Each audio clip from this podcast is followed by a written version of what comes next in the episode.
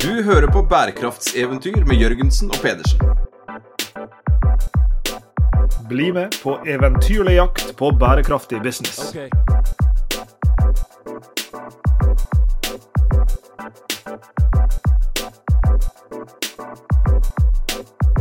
Der er et gammelt bilde Sveinung, av uh, dette med å skifte dekka på bilen mens du kjører.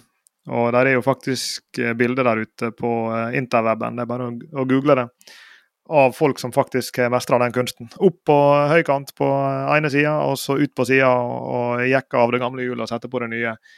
Og Det er jo ikke å anbefale, og det er jo ikke lett, men jeg tror på en måte det er sånn mange bærekraftsdirektører, finansdirektører og andre ledere føler det i dag, for de står plutselig i en, eh, i en storm av nye krav og forventninger knytta til det som har med bærekraft å gjøre. Det er jo litt rart for oss som har fulgt dette feltet, og kanskje også vært med å påvirke feltet over tid, å se hvordan bærekraft skyller inn over næringslivet og organisasjonslivet om dagen. Eh, vi eh, hadde ikke fantasi for 20 år siden, 10 år siden, ikke 5 år siden, at, uh, at, bærekraft skulle komme så høyt opp på agendaen som nå. Og det vi hørte i mange år, Lars Jakob, var jo at nei, vi, vi venter med dette med bærekraft til, til, reguleringene kommer.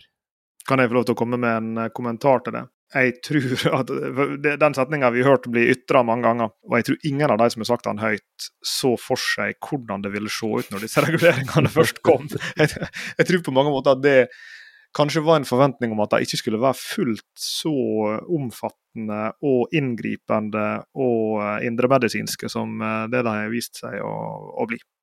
Vi er jo heldige Lars Jakob, å jobbe på Institutt for regnskap, revisjon og rettsvitenskap. Av den grunn også så, så har vi jo regnskapsfolk tett inntil kroppen, og vi kan vår regnskapshistorie på, på mange vis. Og, og, vi lever jo i et samfunn hvor det allerede er aksept for regnskap. At det er folk og systemer og regler og revisorer som, som, som har et, holder et sånn hardt grep om virksomheten og hvordan den skal rapportere på disse finansielle indikatorene. Men det vi ser nå, er jo at, at bærekraft eh, kommer opp og begynner å, å konkurrere eh, på oppmerksomhetsnivå. Og vi ser jo også at i små og mellomstore bedrifter så må nå selskaper begynne å forberede seg på en, en virkelighet hvor eh, de bruker om ikke like mye ressurser på det, altså det ikke-finansielle eh, bærekraftsregnskapet, eh, rapporteringen, som på det finansielle, men allikevel Eh, som jeg har sagt mange ganger før. Det var enklere før. Det var jaggu det. Og de fleste skjønner vel at um, det store bakteppet vi alluderer til her, det, det stammer i en viss forstand fra Brussel. Altså Det er jo hele EU-pakka knytta til Green Deal, taksonomien, og nå aller sist uh, CSRD, altså The Corporate Sustainability Reporting Directive direktivet for bedrifters eh, bærekraftsrapportering, om du vil. Og det er klart at Disse regulatoriske grepene som, som ligger her, de, de, er jo eh, altså de treffer jo først de store bedriftene, men, men indirekte. ikke sant? Så Allerede så begynner de, dette jo også å, å drysse nedover på, på, på, de, eh, på, de, mindre virksomhetene, små og mellomstore bedrifter, indirekte. Fordi at, som vi sikkert vil komme inn på, CSRD bl.a. Uh, kreve av de større foretakene som, som, må rapportere under uh, en CSRD Eh, eller i, en CSRD-verden, de, de, vil også måtte rapportere på sine verdikjeder, sine leverandørkjeder. og Dermed så er det plutselig noen som sitter lenger nede i den eh, kjeden der, som, som kanskje er en uh, liten eller mellomstor bedrift, men som da er nødt til å rapportere på ting som den større bedriften, som er denne lille bedriftens kunde, trenger å vite. Jeg skrøt jo på meg at jeg kunne min regnskapshistorie, og, og litt kan jeg jo. Altså fra øyene utenfor uh, Altså i Venezia. Mm. Hvor det satt eh, folk for hundrevis av år siden og, og lagde systemet for debet og kreditt. Mm. Uh, det var nok et sjokk da dette her ble integrert i, i, i lovverket. Mange som har sittet det er ikke så gamle dager, med sånne svære bøker på videregående skole og ført sånne regnskap, debet og kreditt. Men jeg kjenner jo ikke hele altså, den utviklingen av regnskapsfaget og lovgivningen så i detalj, men, men eh, det er vel en del av de tingene som i dag også små og mellomstore bedrifter må gjøre, som først ble satt i verk på større bedrifter. Jeg, antar at det var enklere å forholde seg til, regn, nei, til, til, til avskrivingsregler eh, tidligere for små og mellomstore bedrifter enn det er i dag, f.eks. Det er sånn klassisk ting som folk sier, at, og det er nok et veldig godt poeng. Hvis alkohol hadde blitt produsert for første gang i dag, hadde det blitt lovlig eller ulovlig. Gode grunner til å tenke at nei, dette ville jo ikke fått godkjenning som et produkt du kunne selge over disk, hvis noen bare fant opp alkohol nå.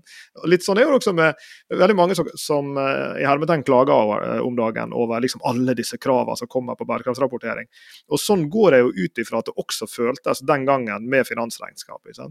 Jo, nå må du få føre hvilke inntekter du har og hvor de kommer fra. Etter hvert så skulle det være noe som heter moms. og Det var noen, så, noen typer inntektsstrømmer som skulle ilegges en sånn merverdiavgift, og noen ikke. Så skal vi ha kostnadene dine, lønn er nå én ting, og hvilke ting har du kjøpt. Men vi skal skille mellom det du har kjøpt som er forbruksvare som er med en gang, og, og liksom, anleggsmidler som, som uh, du skal sitte på lengre. Og da skal du ha noe som heter nedskriving, som skal føres som kostnad år Tenk deg at Hvis finansregnskap kom i dag, hvor, brutalt det ville føltes for bedriften. at liksom, Hæ, skal vi begynne med det her? Og så På toppen av det hele så, så skal jo også dette her kommuniseres ut. Ja man skal offentliggjøre det. Eh, og andre. Eh, vi har jo kloke hoder rundt eh, oss, vi, som kan rive fra hverandre et, et regnskap på, én, 1, 2, 3. Og komme opp med ulike former for rentabiliteter og forstå gjeldsgrader og, mm. og se om det er Ja, altså, de, altså de, de, det oser kunnskap ut av de få linjene som man har tilgang til da, offentlig, gjennom i, i offentlige kanaler. Eh, og på samme måte så, så, skal man også begynne å offentliggjøre her ganske sånn sårbare ting og, og rundt, rundt, virksomheten. Eh, og, og, og, momenter som vi opplever at næringslivsledere opplever som, eh, som veldig nært til den måte, strategien og litt sånn intern strategi, interne ressurser, intern ja, beskrivelse av hva de skal gjøre og hvorfor, og hvordan de skal opprettholde sitt konkurransefortrinn osv. Så, videre, og så, så man har blitt vant til dette her over tid, både å ha systemene for regnskapsføring og, og, og offentliggjøring av det, mens nå skal man altså bygge de samme systemene rundt eh, bærekraftsrapportering, basert på, som du sier, overordna, altså europeiske direktiver som kommer ut av EUs Green Deal og sånne ting. Men dette her er jo på vei til å bli integrert også i eh, det norske lovverket. Eh, sånn at det er jo ikke bare lenger der borte, og det er ikke bare de store. Og det vi ser nå mer og mer og mer, er jo at de store eh, er nødt til å rapportere på leverandørene sine, underleverandørene sine. Altså det som går langt utover det vi kaller scope 1, det som er sånn tett på bedriften, og det bedriften egentlig kan kontrollere selv, men det som går da langt, langt, langt utenfor eh, bedriften. Her sitter vi omtrent og romantiserer regnskap, det, det er nesten vakkert. Og, og jeg, jeg, føler deg helt og holdent på dette at nå nå står vi altså i en, i en sånn, kall det regulatorisk storm, da, som er sånn Venezia 2.0. Eh, for bærekraft og ikke-finansiell rapportering. Og så skal vi eh, bygge opp et slags sånn likearta type byggverk, sånn at vi også da skal kunne få til sånne ting som du er inne på, Å bruke analytisk sant, et finansregnskap for å forstå som du sier, gjeldsgrad, rentabilitet, alle mulige slags, slags ting du kan, kan, eh, suge ut av et regnskap. Det vil vi jo også nå plutselig bli satt i stand til eh, på, på bærekraftsida, eller på den ikke-finansielle sida. Og det er klart at en kan forstå at noen opplever at vi står midt i en revolusjon. Noen med litt mer negativt fortegn opplever at vi står midt i et uh, overgrep. Altså, det, det, er mange sterke følelser rundt, rundt det her. Men, men, virkeligheten er jo den at, uh, ja, som, du, som, du, sa, la oss vente på reguleringene. Ja, vær så god. Her kom reguleringene. Jeg tror, nok, jeg tror nok mange som har blitt utsatt for væpna revolusjon, har følt på det som et overgrep, Lars Jakob i det palasset, palasset, brenner, hvor man har vært trygg og kunne holde ting internt så plutselig blir man da eksponert for, eh, for omverdenen på, på, en helt annen måte. Og hva i all verden skal, i dette tilfellet, organisasjoner da gjøre? Skal de brenne ned uh, sammen med bygget? under en væpna revolusjon, eller skal de joine de som står utafor, eller skal de stikke av til et, et, helt annet land? Og nå hjelper jo ikke land lenger heller, for dette her går jo så langt utover landet vårt og, og våre, uh, våre, regler. Dette her griper jo om seg uh, i, et, uh, i første omgang et, et, stort kontinent. Check it out.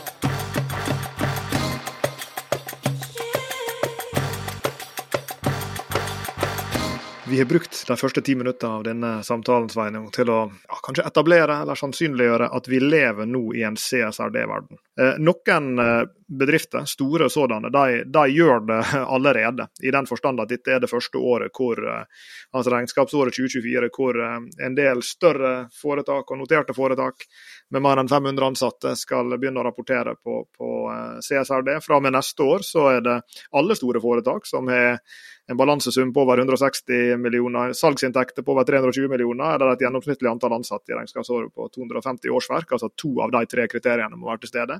Gratulerer, da er du inne. Eh, her er vel forresten, det sa ikke jeg, også noen eh, bank, og bank finans- og forsikringsforetak som også ganske tidlig innrulleres, her litt uavhengig av størrelse. Og så vil da små og mellomstore noterte foretak innrulleres fra året etterpå.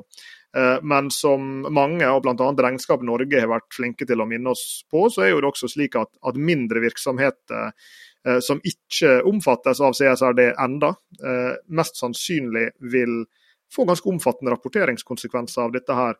Nettopp fordi at de da vil måtte, som jeg var inne på i stad, eh, levere disse typene informasjon til bedriftene som er deres kunder. Slik at hvis du eh, leverer produkt eller tjenester til et CSRD-omfatta foretak, ja da vil vel du langt på vei også måtte frambringe informasjon som de kan bruke inn i sin rapport for å rapportere på leverandørkjede eller verdikjedeavtrykk. Enten det er Scope 3, utslipp eller det er knytta til arbeiderrettigheter og, og, og, den slags, eller hva det nå enn måtte være. Så CSRD har blitt uh, herved tredd nedover hodet på, på, en, uh, på en verden. Og, og jeg mistenker Sveinung, at dette bare er som en slags start, denne episoden her, på det som antageligvis blir en liten miniserie i serien av episoder hvor vi skal dykke ned både i CSRD som direktiv, hva det innebærer og hva det omfatter, og alt det her, eh, men også da mange mange ulike fasettene av dette her som, som, eh,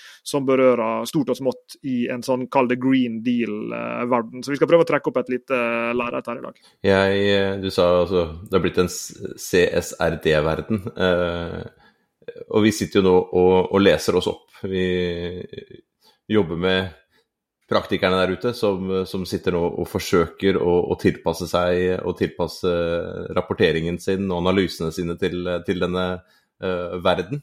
Uh, og vi ser på også hvordan dette her uh, spiller inn på, på annen lovgivning i, i, Norge og også standarder i, i, Norden. Og som du sier, dette skal vi komme tilbake til. Men det som det jeg syns er interessant da, fra, fra, fra, mitt ståsted, når jeg sitter og, og, jobber meg inn i disse reguleringene og, og, konsekvensene det har, det er jo hvor tett opp til uh, det vi har skrevet og jobbet med lenge, hvor tett opp til den virkeligheten det er. Uh, jeg er litt glad for at det vi ser i lovverket her, i disse reguleringene, eh, i stor grad minner om en, en, verden og et verdensbilde vi har dratt opp før, men vi har jo aldri hatt støtte reguleringer sånn som vi har nå. Vi, vi var jo tør jeg påstå, tidlig ute med å si ok, dette er en, en verden bedrifter er nødt til å forholde seg til pga. bærekraftsproblemet. Altså, og, og, og pga. at Eh, at dette er noe som eh, investorer, eh, kunder og andre interessenter er opptatt av. Så, og, så har vi også sett på hvordan dette kan påvirke strategien og forretningsmodellene. Hvordan man kan f.eks. jobbe mer sirkulært, jobbe med verdikjedene, jobbe med ulike sånne governance-strukturer både internt og, og eksternt. Så for oss tør jeg påstå, så er det ikke sånn helt ny verden. Det er mer en verden som blir mer strukturert eh, eh, gjennom, gjennom, lovverket og gjennom noen felles eh, standarder. Eh, men jeg, jeg, trøster meg litt med, og jeg trøster også de som har jobbet med dette her en stund, at det er jo veldig tett opp til sånn som vi har forstått mm. Bærekraftig business da, eh, frem til nå. Selvfølgelig mye mer formalisert og selvfølgelig med mye mye mer krav som må fylles opp um, utad. Men det også, jeg tenker da inn i restarteren vår, da, for de som kjenner det vi har skrevet før i restartboka f.eks. og i andre, andre, sammenhenger, så har vi en, en første sånn erkjennelsesfase. Kjenn deg selv. Kjenn strategien din, kjenn forretningsmodellen din. men kjenn også hva som er dine negative og positive sidevirkninger altså det vi har kalt for skygge og lys i, eh, tidligere.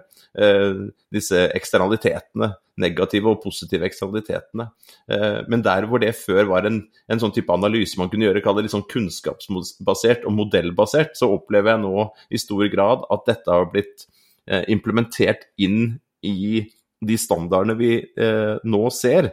Og jeg tror at de bedriftene som begynte dette arbeidet før reguleringen kom, uh, har et stort fortrinn her. Uh, fordi de allerede har etablert uh, ja, et selvbilde.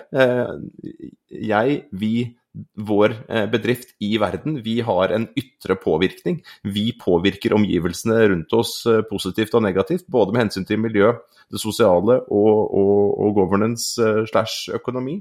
Uh, og samtidig så blir vi påvirket av verden. Uh, og vi må da så jobbe både mulighetsorientert uh, for å se ja, hvilke muligheter kan dette gi oss for nye strategier, nye forretningsmodeller, men også verne oss og se hvordan er det vi kan, kan redusere risikoen ved den måten vi faktisk i dag opererer på. Fordi det allerede i dag er ødeleggende for, kall det bærekraft, og bærekraftig utvikling. Eh, og i framtiden så vil det være ødeleggende for det, og omgivelsene våre vil endre seg på, på alt fra regulering, som vi opplever nå, men også da til at miljøet endrer seg, og at vi får også sosiale utfordringer knytta til den måten vi har drevet på fram til nå i de landene hvor vi opererer, osv. Og så, så det er liksom jeg, jeg føler, Ja, det er noe nytt, ja, det er på en måte en revolusjon, men samtidig de som har fulgt med litt i klassen, eh, de har allerede et fortrinn. Og så tror jeg også det skal gå an å hekte seg på dette her relativt kjapt for de fleste virksomheter. Um, fordi at det er jo ikke noe det, ja, det er en revolusjon, kanskje, men samtidig så er det jo ikke en, en, en, revolusjon på innhold. Det er ikke noe at vi skal begynne med noe helt, helt nytt, eller forstå dette på en helt annen måte. Det er bare at uh, jeg opplever at ja, bærekraftig business i, i, mye større grad blir inkorporert i en lovverk og standarder, og at det får føringer for hvordan man analyserer seg selv, hvilke mål man setter seg, eh, hvordan man arbeide med forretningsmodellen, arbeide med strategiene eh, sine, eh, for å, å, å, komme seg fra en, en, situasjon i dag til en ønsket situasjon. Jeg er helt enig i si diagnosen din, men det er ikke en diagnose. Men jeg er helt enig i, i liksom virkelighetsbeskrivelsen du gir her. og eh, Når vi drev og romantiserte over finansregnskapet i stad, det er kanskje den første gangen i verdenshistorien den setninga har blitt brukt, så, så, var jo det fordi at et, et, regnskap som vi var inne på, det, det er jo veldig nyttig. Altså Det blir brukt, en, en, investor kan bruke det for å, for å, gjøre analysene som vedkommende trenger for å, for å vurdere, vurdere, om en skal investere, eller hva det måtte være. En bank kan bruke det. En, en regulerende myndighet, eller for den del myndighetene som sådan, kan bruke det for å liksom, informere beslutninger om er dette her en bransje som, som burde skattlegges på en annen måte. Altså, det, det, er så veldig mye informasjon i et finansregnskap som ulike brukere kan bruke Eh, og, og nyttiggjøre seg av for beslutningstakingsformål. Og jeg tror at liksom igjen da i hermetegn i den grad at liksom det er en revolusjon, så er det litt sånn det som skjer nå, er kanskje at det at når så mange bedrifter skal begynne å rapportere på dette, og det skal standardiseres etter disse såkalte ESRS, European Sustainability Reporting Standards, under CSRD, ja, så vil det på samme måte også bli sammenlignbare, forsøksvis objektive, men eh, vi, vi vet godt at uh, objektiv her er et ord vi må putte litt sånn uh, hermetegn rundt. Men, men at informasjonen da vil komme til å bli av et slikt omfang, av en sånn karakter og av en sånn grad av fokus, at plutselig så, så vil det bli lettere for beslutningstakere også å nyttiggjøre seg av denne informasjonen. Og som vi har vært inne på mange ganger før, så kan det være mange brukere av en bærekraftsrapport, akkurat som det kan være mange brukere av et vanlig finansregnskap. Eh, og vi vet jo at, at veldig mye av dette er drevet av investorer, som nettopp som du er inne på, eller finansmarkedsaktører i vid forstand, som nettopp som du var inne på i stad, er opptatt av å kunne spesielt vurdere risikoer og muligheter. Fordi de har en, en, en, en, finansiell inngang til spørsmålet om, eh, om, bærekraft. Og så kan vi samtidig vite at Amnesty International og WWF og, og andre NGOs kan sitte og kikke på den samme bærekraftsrapporten, men da ha en, mer sånn impact og, og, og nær sagt fotavtrykkorientert tilnærming. De ønsker å vite liksom, om bedriftens impact på det ytre miljøet og, samfunnet. Og, en regulerende myndighet vil kunne sitte med de samme typene briller på ikke sant, og lure på ja, hvordan er det egentlig denne virksomheten og denne bransjen eh, påvirker disse, disse bærekraftsutfallene vi bryr oss om, og, og burde vi f.eks. regulere dem hardere eller regulere dem på en annen måte, eller, eller skattlegge et eller annet, avgiftslegge et eller annet. Eller for den del, om du vil, subsidiere ting som drar, drar oss i en grønnere retning. Og, og, og, Det er jo på en måte der vi er nå. Og, og da har det jo skjedd noe, noe viktig her. Eh, og, eh, nå brancher vi kanskje inn i liksom fase to av denne samtalen.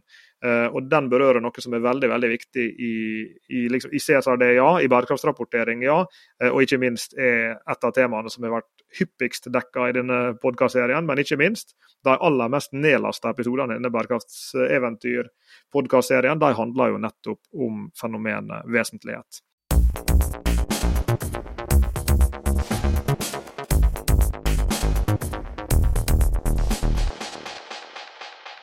Vesentlighet da, Jakob.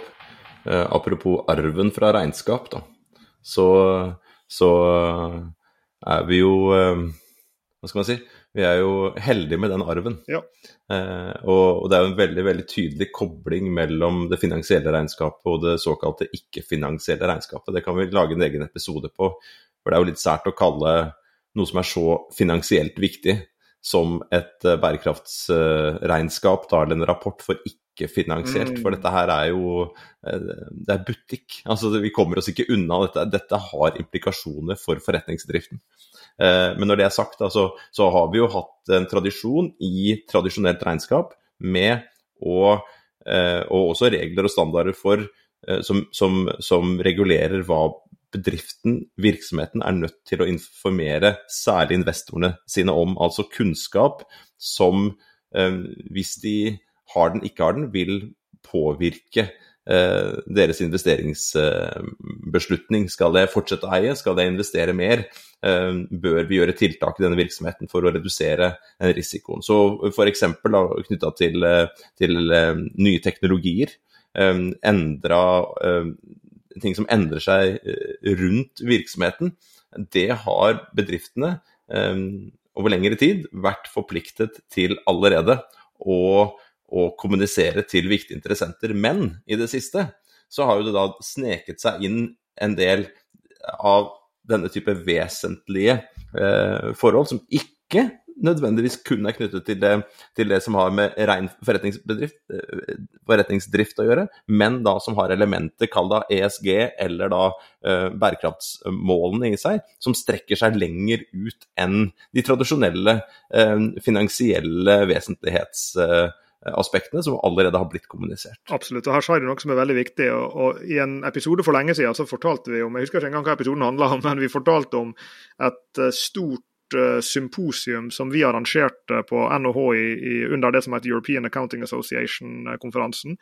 Uh, hvor vi hadde med oss en hel rekke aktører, uh, deriblant de såkalte EFRAG, The European Financial Reporting Advisory Group, tror jeg var riktig akronym.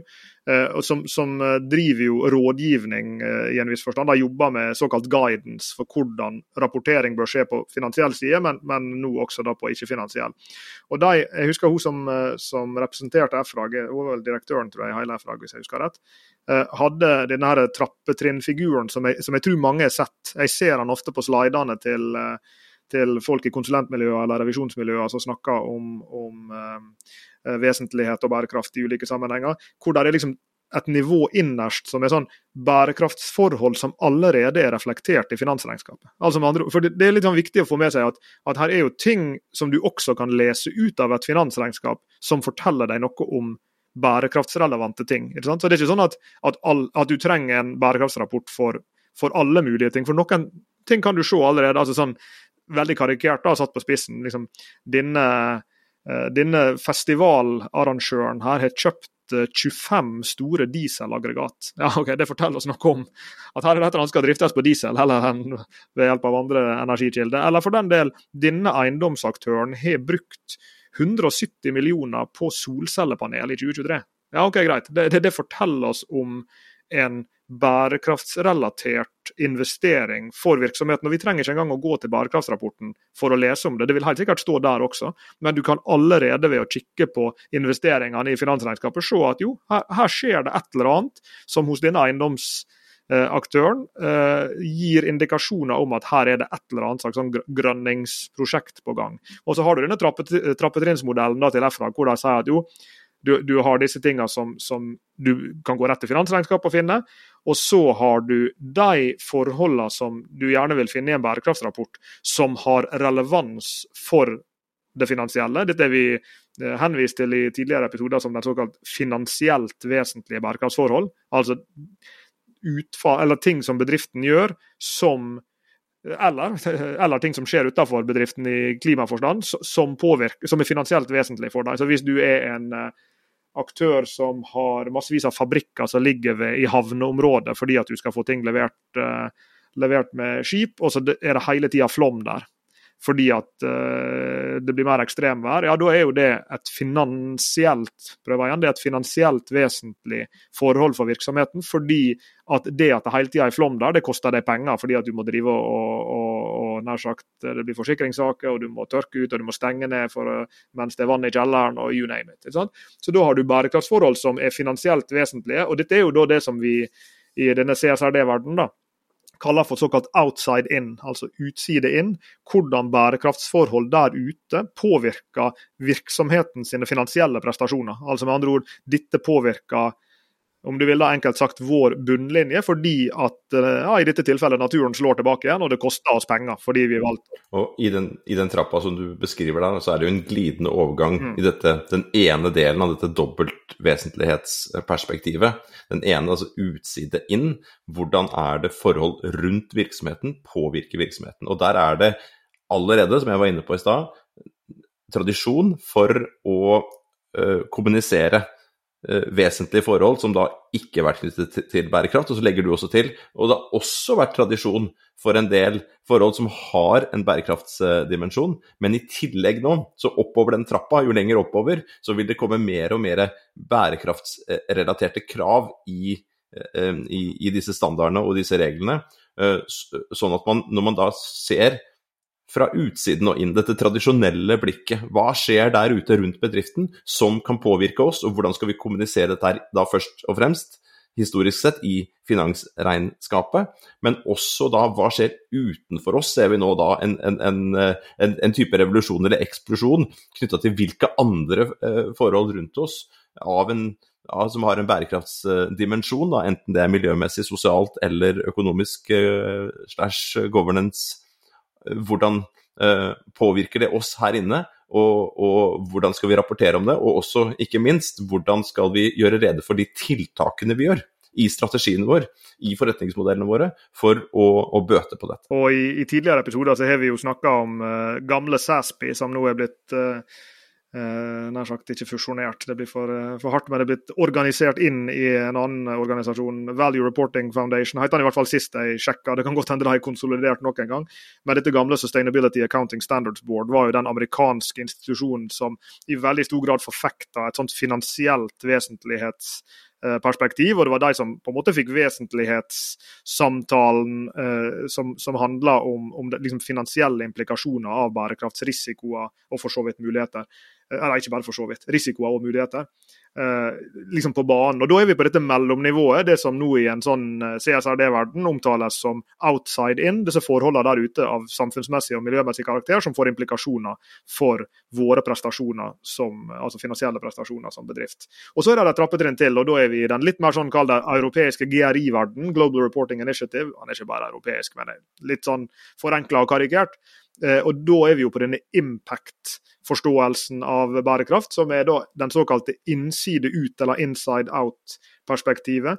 Hvilke ting er det vi gjør her inne som har impact der ute, på godt og vondt? Altså positive og negative kall det ringvirkninger av våre strategier, forretningsmodeller og operasjoner på samfunn og miljø der ute. Og Dette er jo det som gjerne ikke er det klassiske sånn investorene har mest appetitt for, men det er typisk igjen da, litt sånn enkelt sagt, NGO-ene og, og, eh, regulerende myndigheter og andre bekymra borgere vil være opptatt av. Det har jo vært fanga opp i disse impact-orienterte GRI-rapportene. og Dette er da liksom dette tredje nivået, som da også nå her skal smeltes sammen i en dobbel vesentlighetsverden, hvor en da både skal måle og rapportere på utside inn, de finansielt vesentlige, og innside ut, de kall impact-vesentlige eh, forholdene.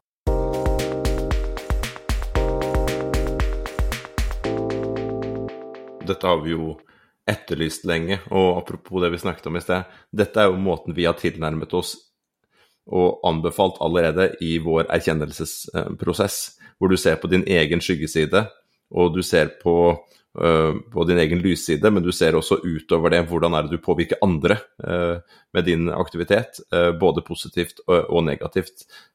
og i artiklene vi skrev Eh, for litt siden og, publiserte, så så vi på denne SASPI-verdenen, den sånn finansielt bærekraftinspirerte, og så så vi på denne mer GRI, som var mer impact, altså denne innside ut. Og det som har skjedd nå på, på kort tid, er jo at disse to har smeltet sammen, som du sier, i, de, på tvers av organisasjonene, men ikke minst inn i dette nye CSRD, eh, disse standardene, eh, og i regelverket. At man skal se på begge deler. Og den største revolusjonen her er jo dette innside ut. For dette utside inn-perspektivet, altså se der ute hva er det som rører seg rundt oss, og hvordan skal vi forholde oss til det, ja, det har man hatt en tradisjon for både finansielt og etter hvert også mer og mer bærekraftsorientert. Men det å virkelig se på bedriften på innsiden, og hvilke konsekvenser, positive og negative, det har utenfor virksomheten. Og ikke bare det, men at det skal skje langs hele verdikjeden. Der tror jeg det er mange som i dag sitter og bare drar seg i det lille håret de har igjen. Jeg kunne jo ikke gjort det. Eh, jeg har lite, lite å, å, å, dra i der. Så, så Altså, så, men hvis jeg hadde sittet med noe, så tror jeg i hvert fall hadde lugga i de siste hårrøttene oppå skallen og tenkt liksom Ja, en ting er oss da, internt, men her blir vi påkrevd å gå fra scope 1 ut i scope 2 og helt til scope, scope 3. Altså indirekte påvirkning gjennom leverandørene i leverandørkjeden, helt opp mot, uh, ut mot uh, kundene og etterlivet av produktene etter at kundene har, uh, har, har brukt det. og tjenestene, altså på, på, ulike måter av ulike typer forretningsmodeller. Og den derre innside ut her, det er jo på en måte Jeg tror mange som opplever det som en sånn real ørefik. At man er nødt til å gå inn i verdikjeden Eh, både da eh, når det gjelder den etiske eh, menneskesosiale dimensjonen, men, men, også den miljømessige påvirkningen som går langt, langt utenfor sin egen virksomhet. Og det skal man også da analysere, og ha folk til å sitte og gjøre den der jobben. Og da nytter det ikke å ansette en, en, en, en bærekraftssjef i en, bistilling innenfor en, kommunikasjonsavdeling. Her, her, trengs det jo et, et, team som skjønner verdikjeden, som kan gjøre eh, LCR, altså Life Cycle Assessment, av de ulike produktene. Dypt ned i, i, i, hos leverandørene og inn til kundene. Man må være i langt større dialog med kundene, det er jo påkrevd nå. Og må være i langt større dialog med eh, underleverandører, leverandører og da andre deler av, av, verdikjeden.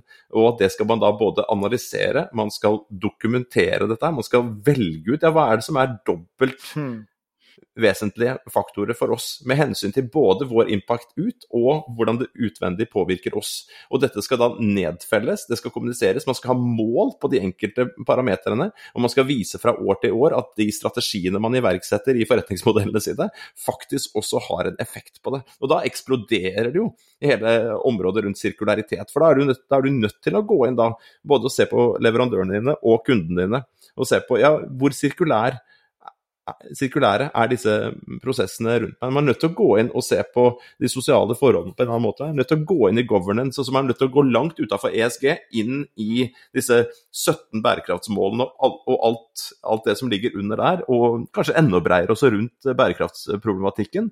Og skjønne hvem er det vi som virksomhet er i, i verden. Hvilken effekt har vi positivt og negativt ut, og, og hvordan påvirker da utsiden inn, hvordan påvirkes vi dette her. Og det, og det, det er en, en, en, ny virkelighet som går fra vår litt sånn, si sånn ikke spekulative, men vi har jo sittet og sagt dette her er jo viktig. Man er nødt til å gjøre dette her i en erkjennelsesprosess. Man er nødt til å kjenne forretningsmodellen sin, forretningsmodellene sine. Man er nødt til å skjønne kjernen av den, og, og hvordan dette påvirker omgivelsene negativt og positivt, og hvordan omgivelsene også påvirker virksomheten positivt og negativt. Og så må man utforske da muligheter innafor her. Man må gjøre endringer langs hele verdikjeden eh, for å redusere fotavtrykket og, og, og, forsterke det såkalte positive, altså håndavtrykket til virksomheten.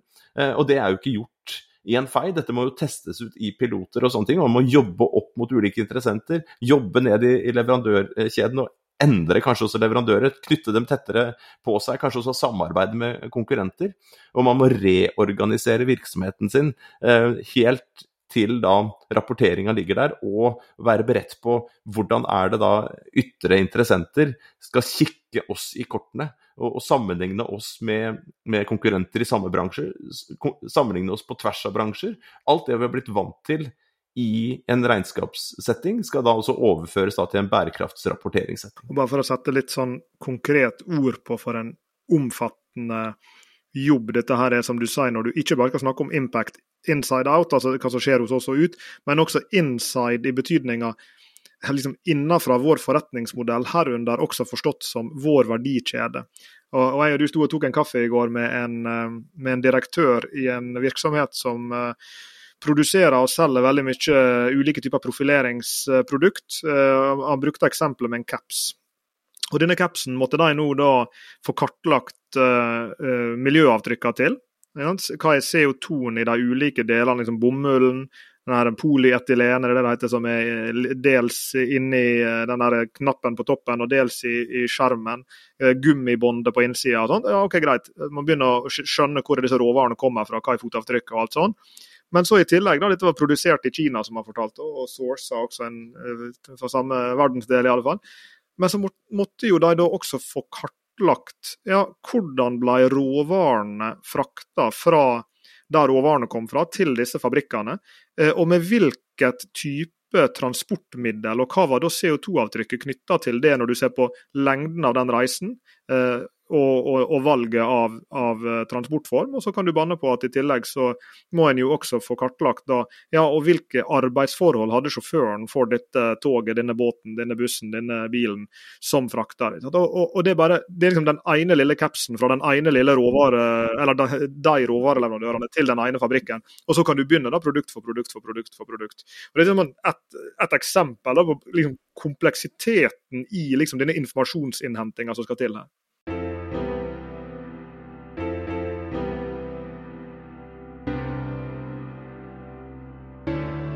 Vi eh, har vært litt eh, rundt forbi eh, gjennom åra, Lars Jakob, og uansett hva vi har snakka om, så har vi jo liksom banne på at det kommer én, arm opp i enhver forsamling eh, som spør ja, men hva betyr dette for små og mellomstore bedrifter. da? Og Vi har jo også egen episode på det hvor vi diskuterer SMB-ene. Eh, Ofte så har vi møtt det ved å på en måte krympe det litt og gjøre det litt lettere og enklere og overfladisk. Og, og ja, dette nye lovverket det går jo primært ut til store børsnoterte selskaper i første omgang. Og så år etter år etter år så rulles dette her ut til mindre virksomheter, eh, mer eller mindre noterte. Og så, og så, vet vi jo av erfaring at dette her kommer til å bli mer og mer integrert i, i ordinær eh, regnskapslov og, og praksis etter hvert. Og det som er veldig spesielt her, det er jo da at underleverandører, apropos dette innside ut av denne impact-varianten, som er mer enn den, den absolutt nyere, som i hvert fall, eh, hvert fall eh, når det gjelder eh, det regulerte. Det er mange som har gjort dette frivillig og jobba godt med det over tid og funnet nye forretningsmuligheter knytta til det.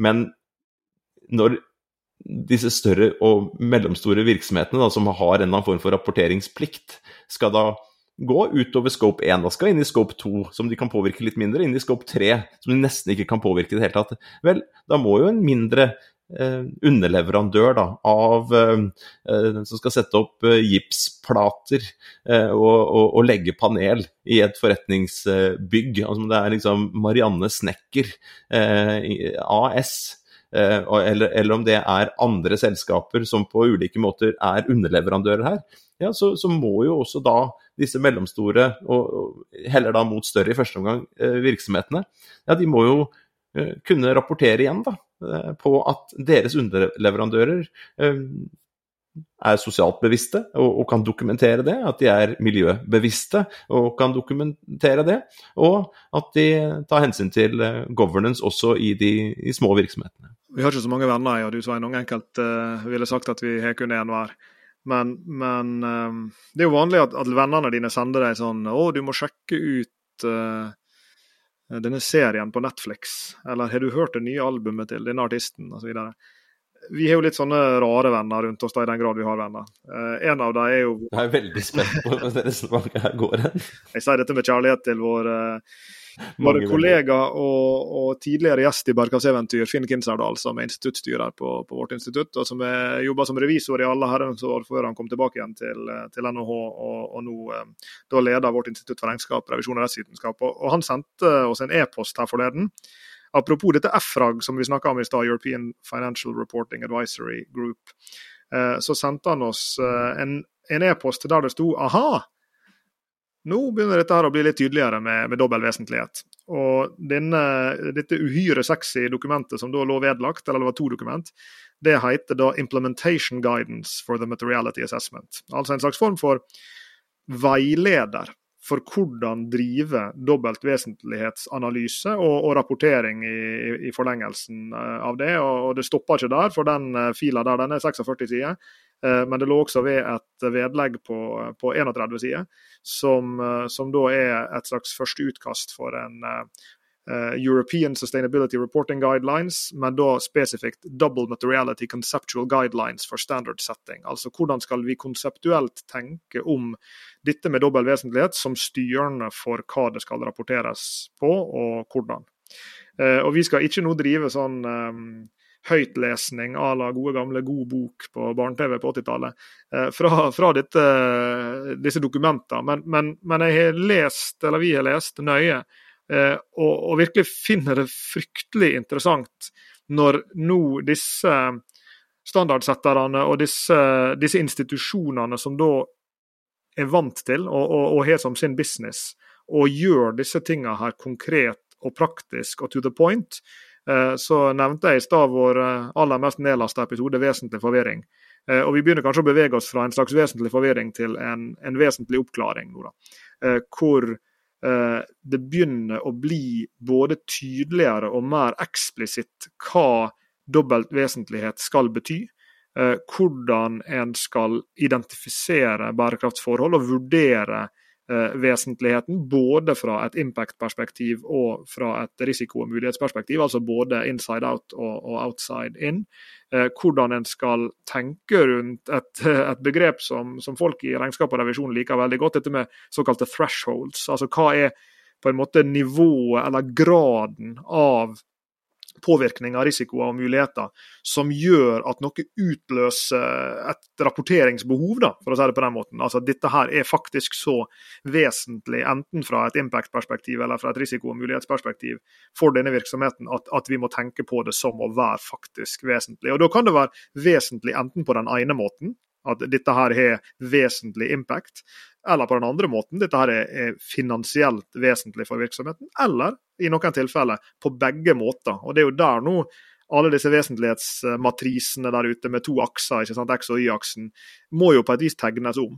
Eh, dette var jo fokus i denne artikkelen som vi skrev sammen med Aksel Mjøs om eh, såkalte tensions, som vi kalte det, spenninger i, forståelsen av, av uh, vesentlighet. Og, og denne liksom sammenblandinga av da på, på den ene sida sånne impact-orienterte, og på den andre sida sånne finansielt orienterte vesentlighetsanalyser, som, som, ser jo helt annerledes ut. Når du tenker på hva X-aksen og Y-aksen disse matrisene viser til, så, så, får vi jo nå en, en helt ny verden hvor, eh, hvor impact og eh, risiko og muligheter, eller det finansielt vesentlige, må inn i én og samme matrisesett, hvis disse matrisene skal overleve i det hele tatt. Så har vi da endelig fått litt flere bokstaver i alfabetsuppen vår, eh, Lars Jakob. Eh, SDG har vi jo etablert fra før her på, i denne podkasten, altså bærekraftsmålene. vi har nevnt ESG her i dag. Vi har nevnt SASPI, vi har nevnt FRAG og denne nye CSRD-verden. Og så er det jo ennå fire bokstaver til, da. Eh, litt på tampen her, som jeg har lyst til å dra opp, eh, men som vi skal lage en egen episode om, apropos disse små og mellomstore bedriftene.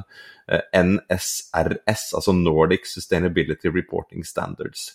Og Det er jo en, et, en, en, standard som er utviklet for små og mellomstore bedrifter. Så hvis det er noen som vil ha bevis da, eh, når vi sier det at ja, også de små og mellomstore bedriftene her vil bli påvirket av dette, her, er påvirket av det allerede og må begynne å trene eh, og tenke at eh, denne bærekraftsrapporteringa begynner å nærme seg nå like viktig som en finansiell regnskapsrapportering. Så skal vi linke opp til eh, NSRS, eh, og folk kan eh, klikke på det. Og også der finnes det rammeverk som, som bedrifter da kan få tilgang til for å, å begynne å sette opp da, og jobbe seg gjennom disse ulike formene for vesentlighet. Både innside ut og utside inn. gå inn og se på hvilke konsekvenser dette har på sosialt, miljømessig, governance-aktig, og, og, og, hvordan dette her forventes eh, fremover at den er nødt til å begynne å rapportere på det. Og Så vil det ikke være de samme kravene til de små og mellomstore bedriftene om å rapportere det på samme måte eh, som vi har snakket om her. Men de må kommunisere dette her. De er nødt til å kommunisere i anbud eh, når de skal være underleverandører. De er nødt til å vise da andre virksomheter igjen at de opererer i henhold til, eh, til standardene i, i CSRD-verden, eh, sånn at eh, disse bedriftene som da skal levere videre igjen til sine leverandører, og som skal rapportere til sine investorer og, og andre interessenter, ja, at de også da bruker underleverandører som, som, som, som ja, bruker de samme standardene og etterlever de samme reguleringene som, som dem. Så dette her er en en ny verden der, Jakob. På, på, mange måter veldig, veldig kjent for oss som har jobba med det lenge, men uh, ukjent uh, i, i, den forbindelse, eller de, i den forstand at uh, dette er noe som nå i større grad blir lovpålagt og ikke minst forventet. Altså sånn, eh, kan snakke om sånn eh, signaling her, altså sånn ulike årsaker til rapportering. Så er jo en av dem, akkurat som eh, det er en årsak til at folk eller bedrifter har en, en strategi, er jo at det forventes uten, utenifra at bedrifter har en strategi. Selv om man internt ikke tror nødvendigvis at det å ha en visjon og sette disse målene å legge opp en plan for det, at det nødvendigvis er veien til å videreutvikle virksomheten og, og skape innovasjoner. Vel, ja, det forventes jo utad at alle typer virksomheter i dag lager en formell strategi, et strategidokument. Eh, og På samme måte så vil det i mye mye større grad forventes at alle typer virksomheter også har en bærekraftsrapport som følger en, en del eh, standarder. Eh, og jeg tror man kommer å ta for høy risiko eh, hvis man ikke går inn dette her på, på, alvor. Det er en floskel, og det er sikkert derfor jeg har brukt den mange ganger i mange episoder. Vi lever i veldig interessante tider, eh, og det blir spennende å se nå framover. Og vi treffer jo omtrent på hvert gatehjørne en eller annen kjenning som, som, på den ene eller andre måten jobber med, med, bærekraft og måling og rapportering av bærekraft, enten de er bærekraftsdirektører, eller de er konsulenter i de fire store, eller de er revisorer.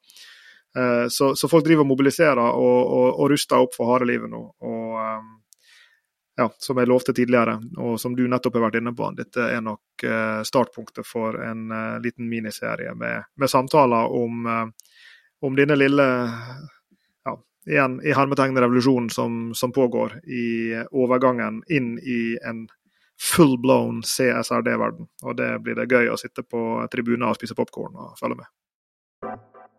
Du har hørt på Bærekraftseventyr med Jørgensen og Pedersen.